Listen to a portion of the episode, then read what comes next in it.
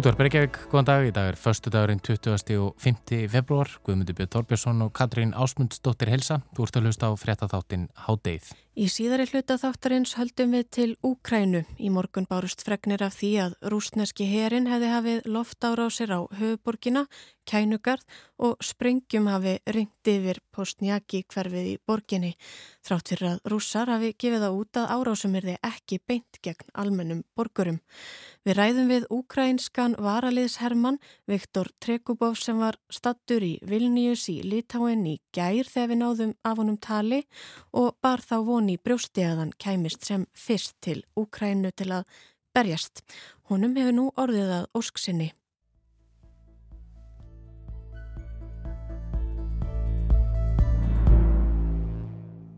En fyrst eru það íþróttirnar fastur liður á förstu dögum hjá okkur í hádeginu. Ásting Knatsbyrnusambands Íslands fer fram á morgun og til okkur er komin Einar Örn Jónsson, íþróttafréttamaður. Einar, hvað fer fram á Ástingi KSI og hvers vegna er þetta svona mikilvægt batteri? Já, það er nú eitt og annað. Þetta er, þetta er rosa stór og ofinn spurning. Eh, Ástingið er sangkvæmt knatsbyrnulögunum og, og íþróttalögum eh, svona aðvista vald eh, fótboltans á, á Íslandi á hverju ári og þannig eru teknar allar helstu ákvarðanir sem þarf að taka um íslenskan fótbolta ef það eru breytingar á deildaskipan eða eitthvað svo leiðis eða svona skipula í fótboltans þá eru þær ákvarðanir allar teknar á ástingunum þannig að fulltrúar liða eiga sína fulltrúa og, og þetta er svona já, líðræðislegt batteri sem að sérum að kjósa um, um alls konar hluti sem að tengjast íslenskum fótbolta en kannski það sem að við ekkur mestu aðteglina núna er náttúrulega að það er formannskjör í, í KSI sem er ekki alltaf, það er vissulega alltaf kosið um, um forman en, en það er ekki alltaf fleirin einni í, í frambóði á þessum þingum en, en það er staðan núna þannig að við fáum kjör og svona kostningabaráttu á, á þessu árstingi. Emmitt, eh, frambjóðunir eru tveir, það er Vanda Sigurgersdóttir sem er núverandi formaður, hún tók við af Guðina Bergsinni í sumar og var þá svona valin e, tímabundið e, formaður og svo er mótframbjóðundin Sævar Pétursson ekki satt, frangandastjóri Káa. Jó, mikið rétt. Hver er svona munurinn á, á þessum tveimur frambjóðundum? Það er kannski ekki mjög gott að segja nákvæmlega hver munurinn á þeim er og, og yfirleitt þegar það er frambóð til formans við sáum þegar Guðni var kjörinn og, og, og höfum séð það áður að það er kannski ekkert íkja mikill munur á áherslum þeirra sem eru í, í frambóði.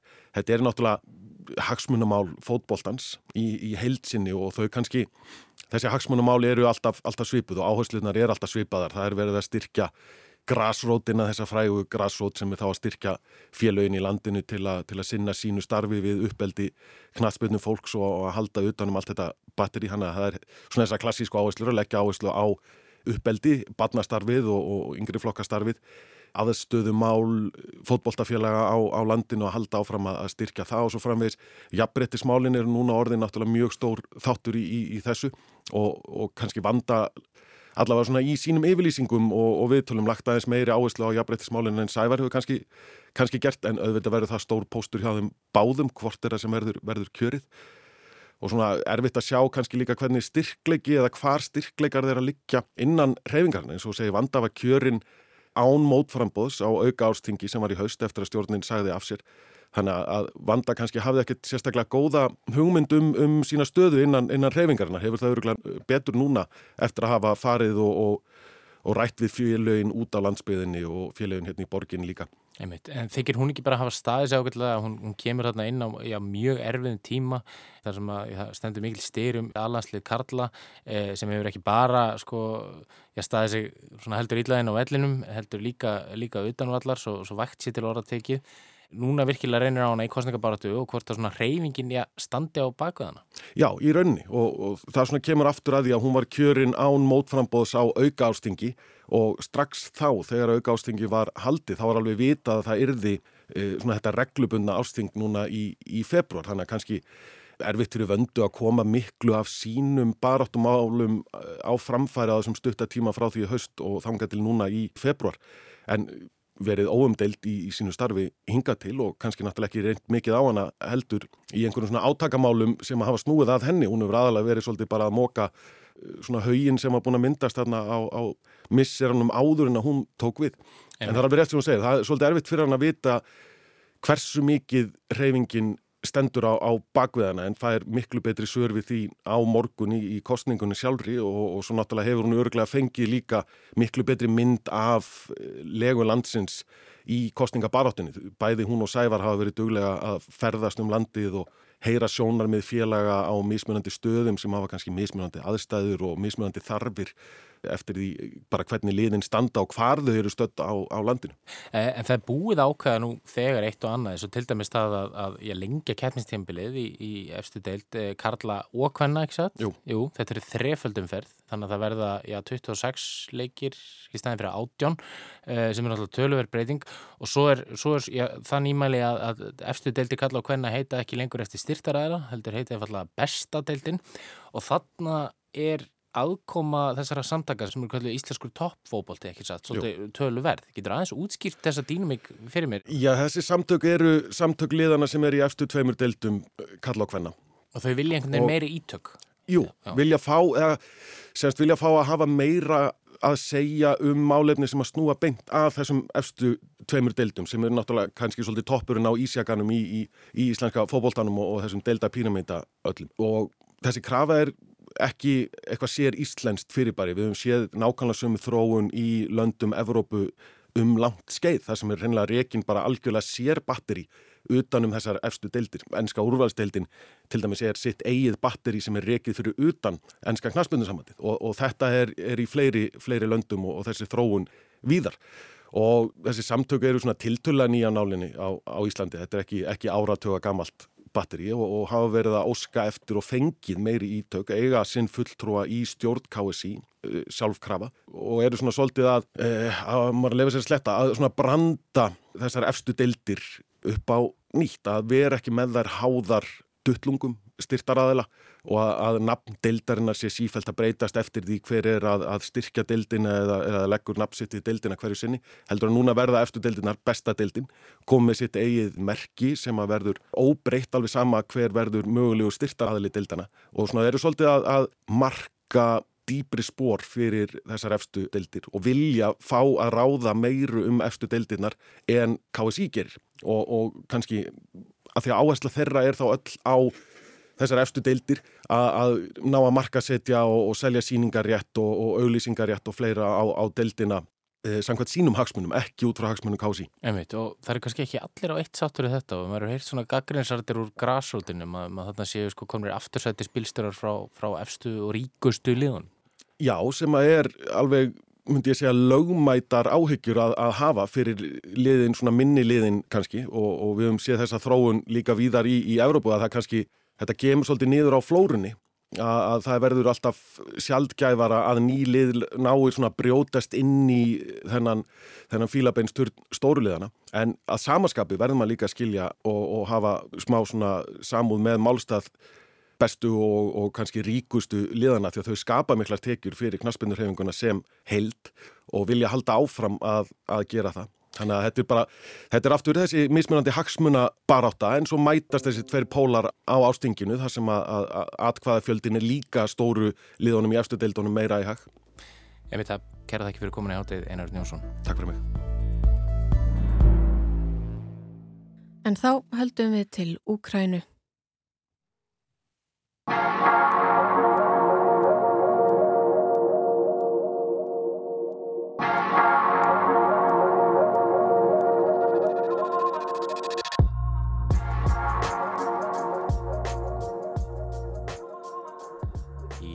Morgun bárust fregnir af því að ukrænski herin hefði hafið loftárásir á höfuborgina Kænugarð og sprengjum hafi ringt yfir Postnjaki hverfið í borginni. Rest. Samaljót, jópt. Þrátt fyrir yfirlýsingar rúsneskara yfirvalda þess efnis að skótspótn hersins væri aðeins hernaðarmannvirki og útbúnaður ukrænska hersins og árásum er þið ekki beint gegn almennum borgurum.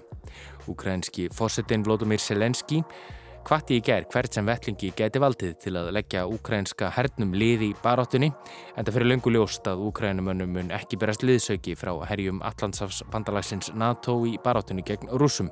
Eitt þeirra sem ætlar að leggja sínlóð á vogaskálinnar er Viktor Nokkur Trekubov sem er pólitískur aktivisti, bladamæður og vinsall bloggari í Ukrænu en hann er einnig varaleismæður í ukrænska hernum Hádegið komst í samband við Viktor þegar hann var stattur í borginni Vilnius í Litáin í gær, sama dag og innrás rúsa en í Úkrænu hófst.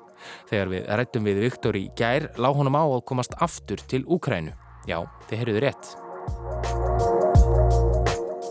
Well, uh, for me it's uh, really uh, a pity uh, that I'm in Vilnius now, not in Kiev, and I will do everything I could to make it to Kiev as fast as I can, maybe uh, today's night or tomorrow morning. Uh, so it's hard for me not, not being there with my compatriots. Ég mun gera allt sem í mínu valdi stendur til að komast eins að hratt og öruglega til kænugarðs, sagði Viktor í kvöld eða á morgun. Það er erfitt fyrir mig að vera ekki þarna með samlöndum mínum. Viktor varðað ósksinni og er nú á leið aftur til heimalandsins í gegnum austurluta Póllands, meira um ástæður þess á eftir.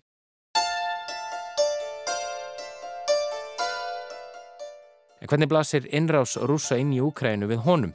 Jú, Viktor kallar þetta allsærjar innrás þar sem rúsar sækjað Úkrænu úr öllum áttum og hafi jafnvel ráðist á flugvelli í vesturluta landsins við landamærinað Pólandi eins langt frá Rúslandi og hugsast getur. Yeah, it's uh, basically full-scale invasion because the strikes are actually going from every direction, even some uh, airports in uh, the western Ukraine, western far, as far as from Russia as it possibly can be, are also damaged. Árasetnar komi úr söðri, östri og norðri frá Kvítarúslandi en líkt og alþjóð veit eru Lukashenka fórsiti Kvítarúslands og Putin bandamenn. The only uh, Polish border is more or less safe for now so that's a full-scale invasion uh, uh, well, as, as full as it can be. Aðeins pólsku landamærin eru örug og varin, sagði Viktor Drekubov en þetta er allsherjar innrás enguða síður, segir hann.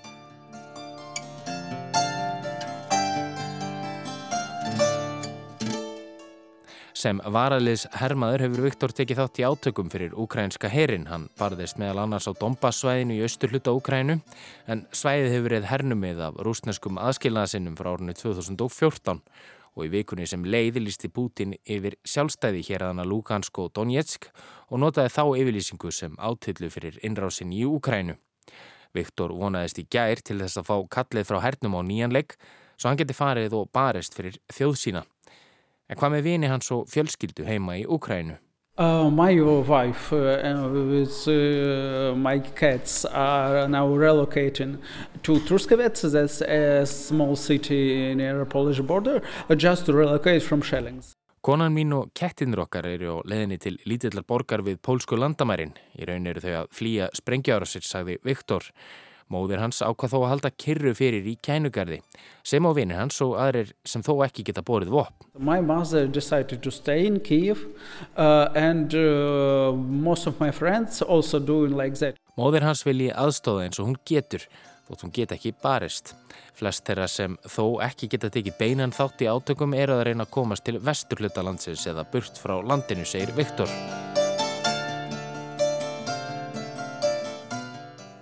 Atbyrðinir sem nú eiga sér stað í Úkrænu séu ekki hefðbundin stríðsátök, segir hann, að minnstakosti ekki frá sjónarhóli Úkrænumanna.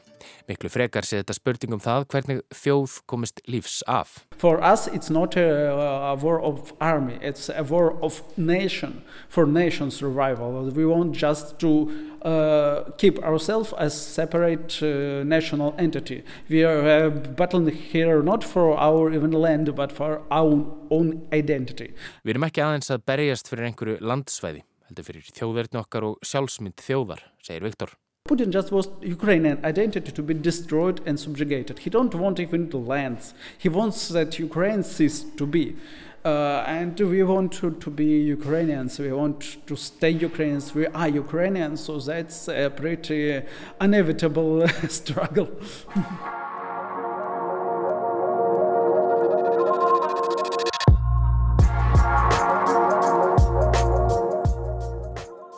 En við hverju býst Viktor Trekubov frá vestrænum ríkjum, frá NATO og Evrópusambandinu? Joe Biden fórseti bandarækjana og Jens Stoltenberg, frangotistjóri NATO, hafa gefið það skýrt í ljós að NATO mun ekki taka beinan þátt í hernaðaragerðum í Úkrænu, en er Úkræna ekki hluti af NATO. Viktor telur þó að NATO muni aðstóða Úkrænu fjárhagslega og verða þeim úti um vopn, auk þess sem Vesturlönd muni halda áfram að beita rúsum hörðum efnahastfingunum.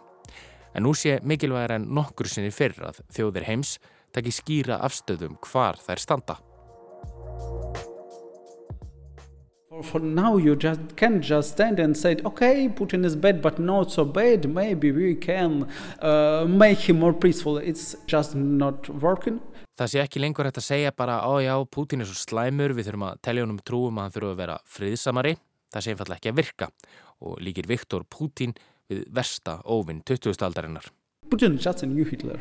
Putin er nýr Hitler, segir Viktor. You can only choose his side or side of revolt.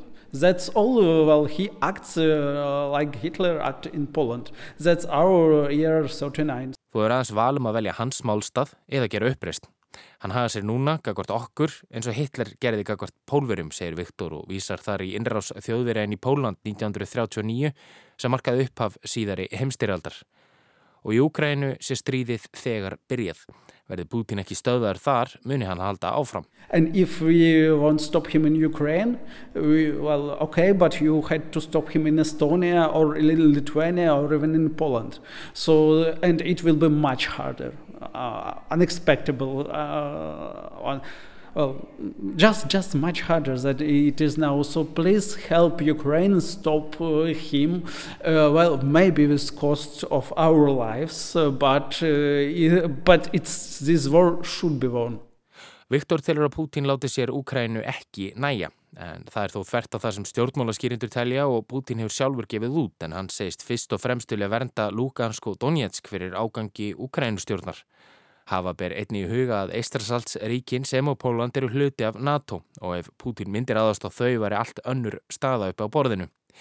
En í miðju stríði og í ljósi þess að Pútín hefur áður sínt að hann er ódregnarlegur og kannski ekki maður orða sinna, er samhengi orða Viktors skiljanlegra.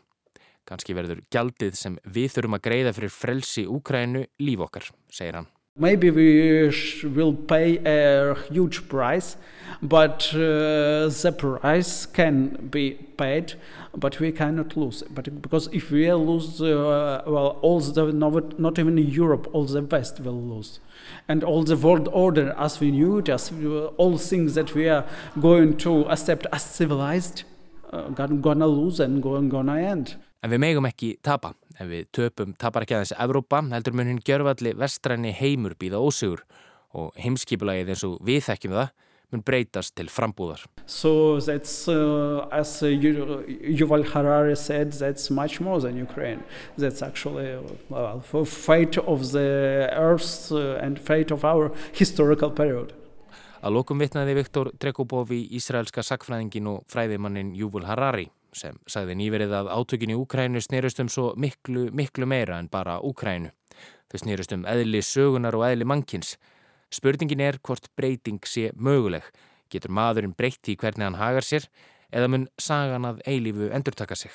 Verður maðurinn dæmdur til þess að endurtaka harmleiki og hrylling fortíðarinnar í stað þess að draga af þeim lærdom. Það á tímin eftir að leiða í ljós En frá því við rættum við Viktor Trekubov í Vilnius í gær hefur hann haldið aftur til heimalandsins Úkrænu.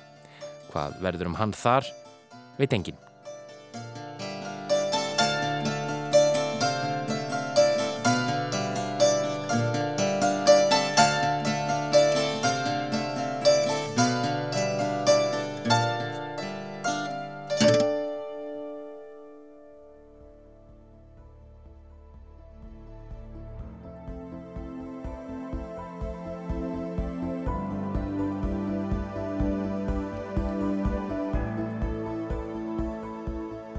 Heyrðu við í ukrainska varalis hermanninum Viktor Trekubov sem var statur í Vilnius í gær þegar við náðum á honum tali en hann hefur nú haldið aftur til heimalandsins Ukraínu en Evrópasambandið kynnti í nótt viðamiklar refsæðgirir gegn Rúslandi og fósiti frangatastjórnar sambandsins Úrsula von der Leyen segir að vatnaskil hafa orðið í Evrópu og fósiti Fraklands útilókar ekki að enn megi þó semja við Rúslands fósetta en þessar efnahagsaðgerðir beinast að rúsneskum fjármálaheimi, orkugerlandsins samgöngum og flytningum auk þess sem útilókað verður fyrir rúsneska framámen að fá vegabrefs áriðanir.